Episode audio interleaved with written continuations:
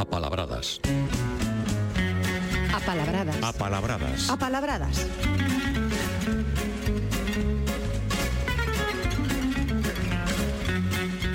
Sempre, absolutamente sempre puntual a súa cita como debe ser. Por outra parte, Paulino Novo coas apalabradas, moi bons días. Bos días, só faltaría. o certo é que se temos curiosidade, Paulino, por aprender nunca nunca deixamos de, de facelo e iso é algo que precisamente nos permite esta colaboración. Hoxe empezamos cunha palabra que se usa en medicina, que procede do grego, onde significaba un paso dunha escaleira. Lóxicamente usase esta palabra científica de maneira metafórica metafórica, pero é unha metáfora transparente, enténdese ben. A palabra é climaterio. Sí, é como ti dicías, vendo unha palabra do grego que significaba o paso dunha escaleira. Eh? Entón, a medicina recupera esta palabra, pero recupera eh, usando eh, de maneira metafórica, pero é unha metáfora que entendemos todos. O climaterio en medicina é o período da nosa vida, dos homens e das mulleres, eh, na que se producen cambios no organismo debido á diminución da actividade das glándulas sexuais. É a andropausia, a menopausia, non? Entón, hai un cambio, hai unha inflexión importante, hai un paso, eh? Entón, úsase como metáfora recuperase unha palabra do grego que tiña ese, ese significado, paso dunha escaleira, para utilizalo na medicina. En latín colleron a palabra tamén do, do grego e xa usaban para esa época da vida que aparece en algúns dicionarios se consideraba frágil e ameazada e se repetía cada sete anos. Aparece en algún dicionario Pero en todo caso facía referencia a unha inflexión. A unha inflexión, a un banzo, a un paso dunha escalera que te leva un pouquiño máis un pouquiño máis arriba. Eso vai nos dar pé se queres, para falar das palabras que temos para eses pasos da escaleira. Que pois nunca, adiante nunca non sabemos deles. esa escaleira, iso sí, se interior ou exterior, pero en todo caso é unha escaleira. Todas as escaleiras teñen pasos. e, ademais de paso, pois eh, temos banzo. Banzo e chanzo. As dúas palabras as usamos tamén moito figuradamente. Nos, nos servicios informativos é unha palabra que se ten que se recolle moitas veces tamén, porque para usala figuradamente dá, dá moito xogo, como eh, un medio ou unha fase no camiño de algo ou para conseguir algo ou para algún fin. Úsase moito figuradamente. E como digo, temos banzo ou chanzo. E non sei cal foi primeira. Banzo seguramente teño orixe céltica. E chanzo vendo latín de planitius, creado sobre un planities que había, que había en latín. Eh, non sei cal, seguramente foi primeiro avanzo, pero non o sei, pero o que está claro é que unha influe, no, uh -huh. influe na outra, porque acaban as dúas en anzo, non? Incluso o descanso da escaleira, que veremos un pouquinho máis adiante, un dos nomes que ten tamén en galego é relanzo, e tamén eh, e acaba igual. Parece que anzo, a terminación anzo, pois está ligada ás escaleiras, non? Entón, banzo ou chanzo. En latín tiñan, para este paso da escaleira, tiñan grad, gradus, gradus, algo que está graduado tamén ten o seu sentido, non? E este, deste gradus nós non temos, pero o castelán, por exemplo, ten gra, grada. E os portugueses, para ese paso da escaleira, teñen o de grau, ou grau, que ven dese gradus latín, latín, non eh? Mira como no, nos imos repartindo, uns collemos dunha maneira e outros collemos doutro, collemos doutro sitio. En castelán teñen o peldaño, que é de pé, e teñen tamén o escalón. Nos non temos o escalón, pero da mesma palabra que está na orixe, que é escala, que xa significaba en latín a escaleira ou banzo, pois dese, desa escala latina non temos escalón en galego, pero temos a escaleira, a escada, que en principio sería a escaleira móvil ou unha escaleira moi rudimentaria, e temos tamén a forma patrimonial esqueira, que sería como unha, como unha escada tamén. Eh? E como decía, iba a, ia a acabar con ese eh, banzo que é moi grande, que, que é co, o que, nos chama, o que chamamos descanso, non? o que normalmente está, fai, fai unha esquina nunha escaleira.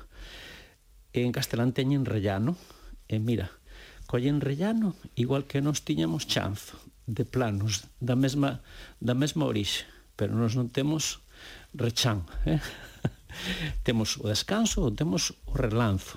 E en portugués teño unha palabra eh, sorprendente, mas é unha palabra bastante escura, non se sabe moi ben a súa orixe, que é patamar.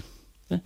Para ese descanso o relanzo, o relanzo noso parece que che van dar unha patada nese patamar. sí. eh, canto xogo, o certo é que canto canto xogo dan os pasos eh, dunha, os pasos, dunha escaleira, non? Os pasos, sí. Pois se che parece, bueno, importante non caerse, subilas ben, subir e baixalas ben e non caer. Eh? Subimos un chanzo máis. Paréceche. Pois imos a. Ti dis, por exemplo, Paulino, que algunha vez que sabemos máis latín do que a nós mesmos nos parece. E hoxe demóstralo cunha palabra que posiblemente non coñecemos do latín, pero sí que temos moitos derivados nos que a palabra e o seu significado están presentes. A palabra en latín é funis e significa corda. Sí, seguramente non no, no na, no na saiba case ninguén, non? Funis a corda pero coñecemos moitos derivados e todos nos levan a, a unha corda ou a un cable eh?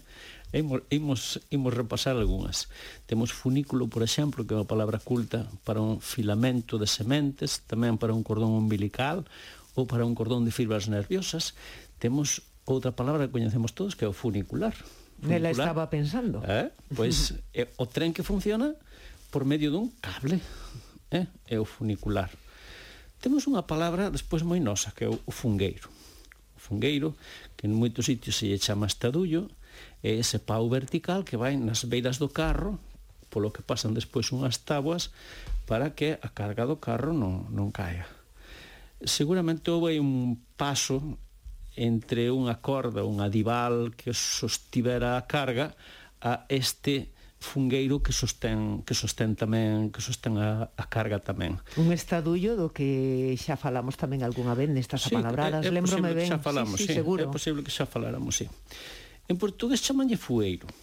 E en galego tamén fungueiro é a, é a palabra máis máis xeral, máis común, pero tamén hai a fueiro.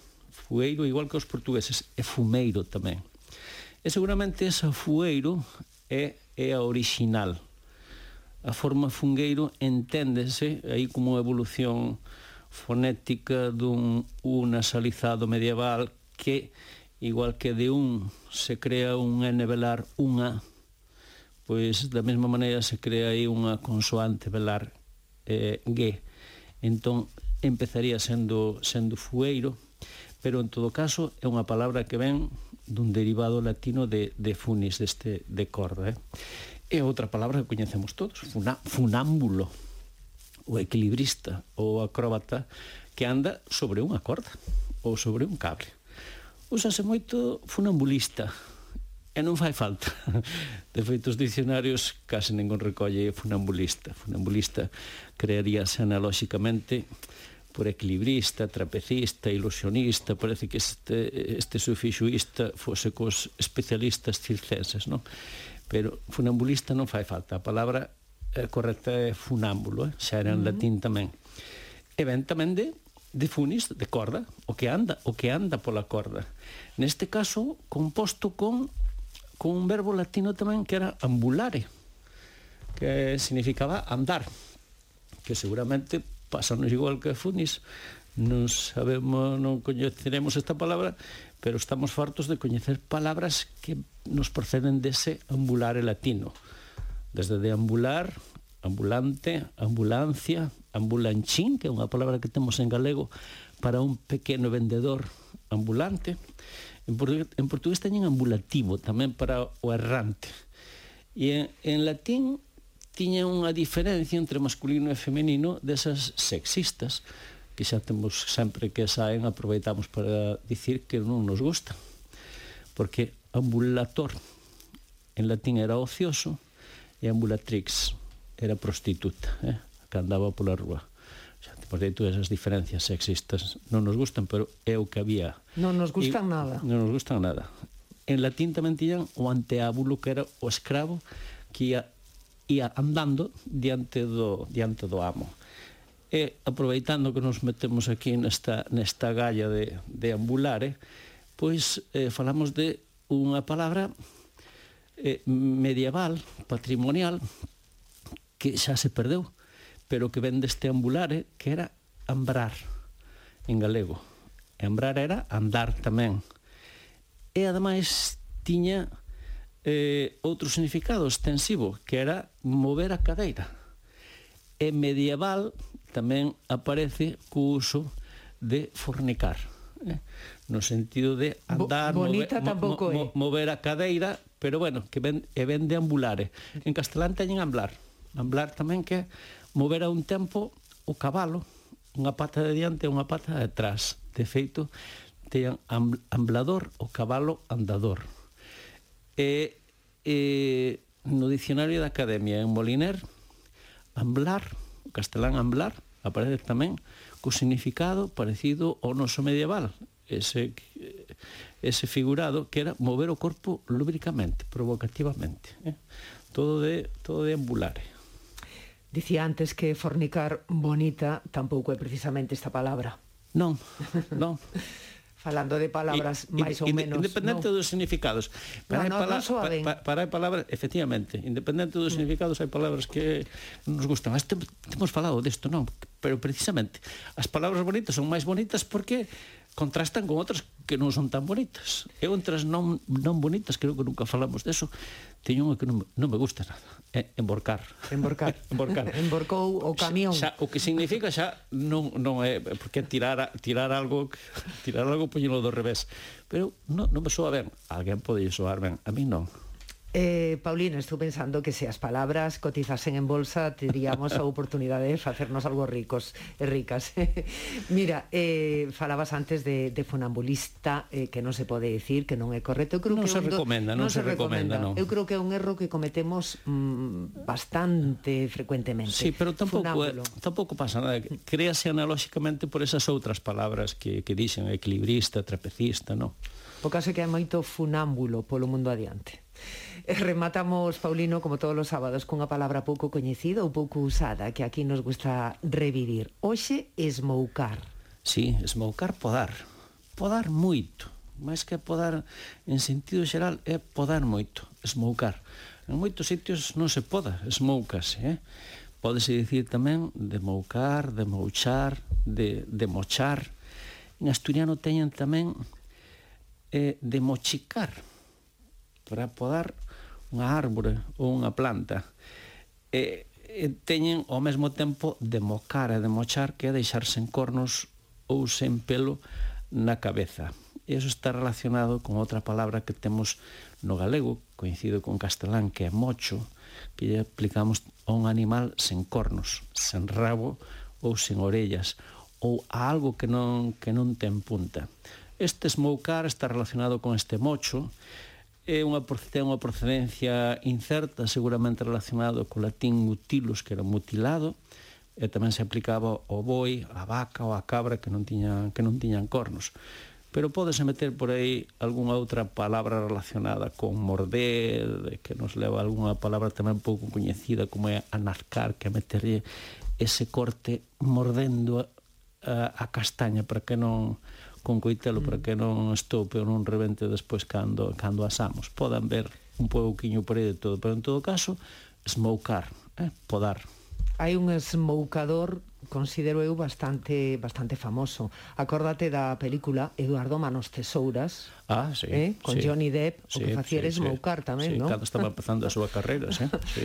bueno, na pe... sí, sí, sí, sí, esa sí, película fantástica. Sí.